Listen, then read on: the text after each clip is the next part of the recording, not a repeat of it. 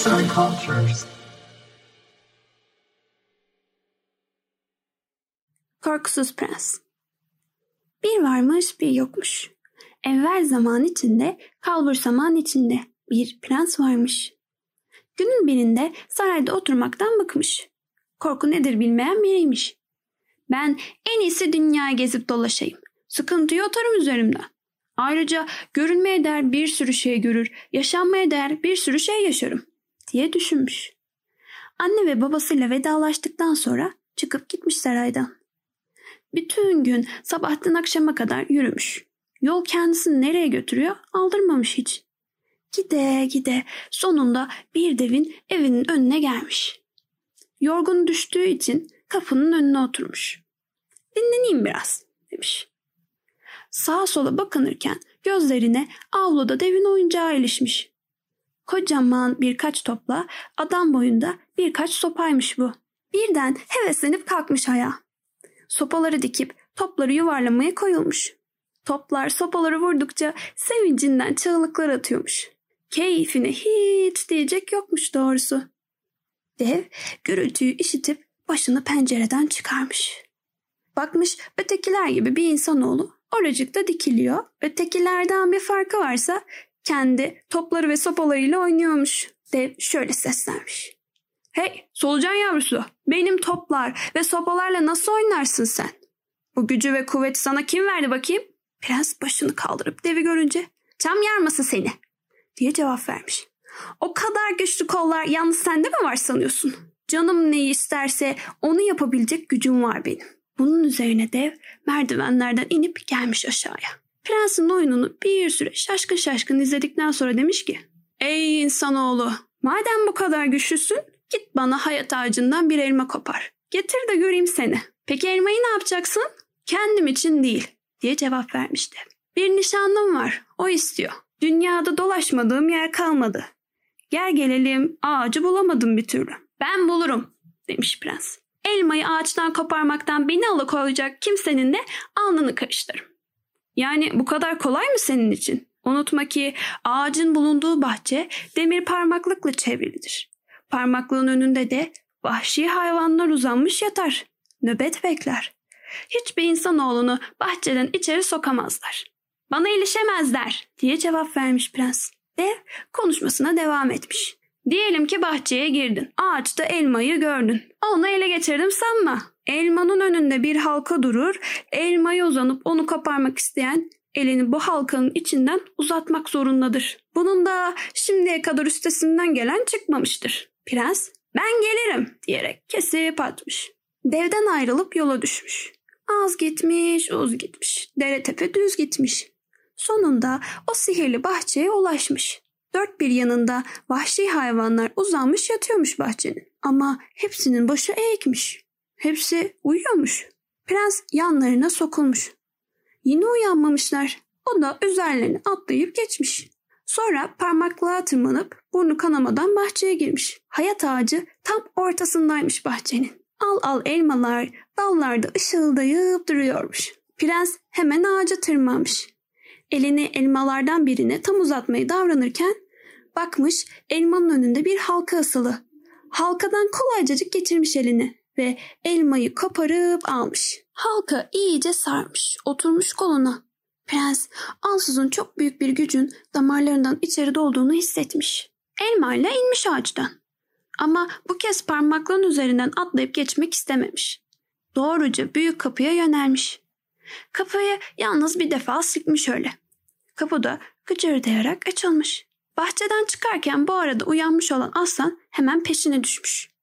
Ama öyle gözü dönmüş ve azgın değil de sanki efendisinin arkasından gider gibi uysal bir hali varmış. Prens sözünü tutarak elmayı götürüp de deve vermiş ve demiş ki bak gördün mü? Kolaycacık alıp geldim işte. Dev istediğinin bu kadar çabuk yerine getirilmesine sevinmiş. Nişanlısına koşup arzu ettiği elmayı ona uzatmış. Güzel ve akıllı bir kızmış nişanlısı. Devin kolunda halka görmediği için şöyle söylemiş. Kolunda o halkayı görmedikçe bu elmayı senin alıp getirdiğine inanmam asla. Dev de cevap vermiş. Bilezik evde gidip getirebilirim. İçinden de Baktım kendi gönlüyle vermiyor. O güçsüz insanoğlunun elinden zorla çekip alırım halkayı diye geçirmiş. Eve gelip halkayı prensten istemiş. Ama prens vermeye yanaşmamış. Dev, elma ile halka birbirinden ayrılmaz. Güzellikle vermedin mi? Boğuşuruz. Onu nasıl olsa zorla alırım elinden diye homurdanmış. Derken kapışmışlar devle prens. Hayli bir zamanda savaşmışlar. Ama halkı sihirli bir güçle donatmış prensi. Dev onu bir türlü dize getirememiş. Derken bir hile gelmiş devin aklına. Demiş ki bu kavga terletti beni. Seni de tabii. En iyisi şu ırmağa gidip yıkanalım da biraz serinleyelim. Sonra yine tutuşuruz kavgaya. Kalleşlik nedir bilmeyen prens devle ırmağa yollanmış. Giysilerini soyunurken halkayı da kolondan çıkarıp suya girmiş. O suya girer girmez dev halkayı kaptığı gibi oradan uzaklaşmış. Ama devin hırsızlığı arsanın gözünden kaçmamış. Hemen düşmüş peşine. Devi yakalayarak elinden halkayı çekip almış. Efendisine geri getirmiş. Bir meşe ağacının arkasında gizlenen dev tam prens sudan çıkıp giysilerini giyerken üzerine atıldığı gibi iki gözün oyup çıkarmış. Zavallı prens iki gözlü kör kala kalmış. Ne yapacağını ne edeceğini bilememiş. Az sonra dev yeniden sokulmuş yanına. Ona yol göstermek isteyen biri gibi elinden tutup yüksek bir kayının ucuna getirmiş. Prensi orada bırakıp dönmüş kendisi. Birkaç adım daha attı mı kayadan düşüp ölür, ben de kolundan halkayı sıyırıp alırım diye geçirmiş içinden. Ne var ki Sadık Aslan efendisini yine yalnız bırakmamış. Onu kendisinden tutup usul usul geriye çekmiş. Dev artık prens öldü sanıyormuş. Kolundan halkayı sıyırıp almaya geldiğinde bakmış ki başvurduğu kurnazlık hiçbir işe yaramamış. Çileden çıkarak bu kadar güçsüz bir insanoğlunun işini bitiremeyecek miyim ben? diye söylenmiş kendi kendine. Prensi elinden tuttuğu gibi bu kez bir başka yoldan onu tekrar bir uçurumun kenarına götürüp bırakmış. Ama devin kötü niyetini fark eden aslan efendisini yine tehlikeden kurtarmış. Uçurumun tam kenarında dev gözleri görmeyen prensin elini bırakıvermiş de kendisi yine dönüp gelecekmiş. Ama aslan arkadan iti vermiş. Dev de uçurumdan aşağı yuvarlanıp parça parça olmuş. Sadık hayvan efendisini çekip uçuruma düşmesini önlemiş. Sonra da onu bir ağacın yanına götürmüş. Ağacın az ilerisinde de bir su akıyormuş. Prens yere oturmuş. Suyun birkaç damlası gözlerine değer değmez prensin gözleri biraz görmeye başlamış. Tam o anda bir kuşcağız az ileriden uçarak geçiyormuş. Birden bir ağacın gövdesine çarpmış. Gözleri kör olmuş. Bunun üzerine kendisini akarsuya bırakıp yunmuş suda. Arkadan yine havalanmış, gözleri yeniden görmeye başlamış. Hiçbir yere çarpmaksızın ağaçların arasından uçup gitmiş. Bunu Tanrı'nın bir işareti sayan prens suya eğilip bir güzel yüzünü yıkamış. Doğrulup kalkmış sonra. Bakmış gözleri eskisinden de iyi görüyor. Prens bu büyük lütfundan dolayı Tanrı'ya şükretmiş. Yanında aslanıyla yola koyulup eskisi gibi sağa sola dolaşmaya başlamış. Derken bir sarayın önüne gelmiş.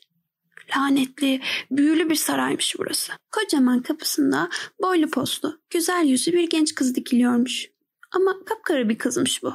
Prensi görünce ona demiş ki Ah ne olur yakalandığım şu lanet olası büyüden bir kurtulabilsem. Prens de peki nasıl yapacağım bunu diye sormuş. Genç kız da anlatmış. Büyülü sarayın o geniş salonunda üç gece geçireceksin. Ama yüreğinde korkunun zerresi olmayacak. Sana en kötü işkenceleri yaparlar da hepsine gık demeden katlanırsan o zaman kurtuldum demektir. Merak etme, seni öldürmeye güçleri yetmez. Prens de, ben korkmam hiçbir şeyden. Tanrı'nın izniyle bu işi başaracağım diye cevap vermiş. Sonra güle oynaya saraydan girmiş içeri. Ortalık kararınca büyük salona geçip oturmuş ve beklemeye başlamış. Gece yarısına kadar hiç ses seda çıkmamış. Gece yarısı ansızın bir patırtıdır kopmuş. Salondaki bütün köşe bucakta küçük küçük şeytanlar sökün etmiş. Sanki prensi görmüyorlarmış gibi yaparak salonun ortasına kurulup oturmuşlar. Bir ateş yakıp iskambil oynamaya başlamışlar. Biri kaybedecek olduğumu şöyle söylüyormuş. Bunu saymam ben. Salonda yabancı biri var da o yüzden kaybettim. Derken bir ses şöyle bağırmış. Bekle geliyorum şimdi. Bağırıp çağırmalar büyüdükçe büyümüş. Kim işitse dehşete kapılırmış. Ama prens istifini bozmamış hiç. Zerrece de korku duymamış. Sonunda şeytanlar oturdukları yerlerden fırlayarak prensin üzerine atılmışlar. Sayıları öyle çokmuş ki prens karşı koyamamış hepsine. Kendisini tutup yerlerde oradan oraya sürüklemişler. Etine çimdikler atıp orasına burasına iğneler batırmış, çeşitli işkenceler ederek canını yakmışlar. Ama prens gık dememiş. Sabaha karşı hepsi çekip gitmiş. Prensin hiç hali kalmamış. Elini kolunu zor oynatabiliyormuş. Şafak söker sekmez o kapkara genç kız salona girmiş. Elinde küçük bir şişe varmış. İçinde de abı hayat yani hayat suyu bulunuyormuş. Bu suyla bütün vücudunu olmuş prensin. Prens de ağrılarının sızlarının kaybolup damarlarının taze bir güçle dolduğunu hissetmiş. Genç kız demiş ki, birinci geceyi kazasız belasız atlattın ama önünde daha iki gece var. Sonra salondan çıkıp gitmiş. Ama kızın ayaklarının şimdiden beyazlaştığı gözünden kaçmamış prensin. Ertesi gece de şeytanlar gelip bir gece önceki oyunlarına devam etmişler. Sonra yine yerlerinden fırlayıp oğlanın üzerine atılmış, onu bir gece öncekinden daha insafsızca dayaktan geçirmişler. Prensin vücudu yaradan bereden geçilmez olmuş. Ama bütün yapılanlara hiç sesini çıkarmadan katlandığı için sabaha karşı şeytanlar yine kendisini bırakıp gitmişler. Tan yeri ağrır ağırmaz tekrar kız gelip elindeki suyla prensin yaralarını iyileştirmiş. Kız çıkıp giderken bu kez de ta ellerinden parmak uçlarına kadar vücudunun beyazlaştığını prensin gözünden kaçmamış. Kala kala dayanması gereken bir tek gece kalmış prensin. Ama gecelerin de en barbatı buymuş. Şeytanın tayfesi yine dolmuş salona. Daha burada mısın sen? diye bağırmışlar. Seni bir benzetelim ki sesin solun kesilsin. Sonra stille tokat girişmişler. Orasına burasına iğne batırmışlar prensin. Kaldırıp kaldırıp sağa sola vurmuşlar. Kollarından ve ayaklarından tutarak yerlerde sürmüşler. Onu didik dedik etmeyi kafalarına koymuşlar sanki. Ama prens sineye çekmiş hepsini. Gık dememiş. Sonunda şeytanlar çekip gitmişler. Oğlan da baygın serilip kalmış yere. Kımıldayacak durumda değilmiş. Salona girecek, yaralarını abı hayatla ovup iyileştiren kıza bile gözlerini kaldırıp bakamamış. Ama birden bütün acı ve sızılarından kurtulmuş. Sanki bu uykudan uyanmış gibi kendini zinde ve sağlıklı hissetmiş. Başını kaldırınca kızın yanı başında dikildiğini görmüş. Kızı kar gibi beyaz ve ay gibi güzelmiş. Kalk ayağa da kılıcın üç defa eşin üzerinden salla. Bütün büyü silinip gidecektir demiş prense. Prens de kızın dediğini yapmış. Bütün saray büyüden kurtulmuş. Genç kız da meğer zengin bir prensesmiş. Uşaklar gelerek büyük salonda sofranın kurulduğunu ve yemeklerin hazır beklediğini haber vermişler. Prenses ve prens oturup birlikte yiyip içmişler. Akşamleyin nikahları kıyılıp büyük bir şenlik ve şadımanlık içinde düğünleri yapılmış. Onlar ermiş muradına, biz çıkalım kerevetine. Seslendiren Nurdan Dal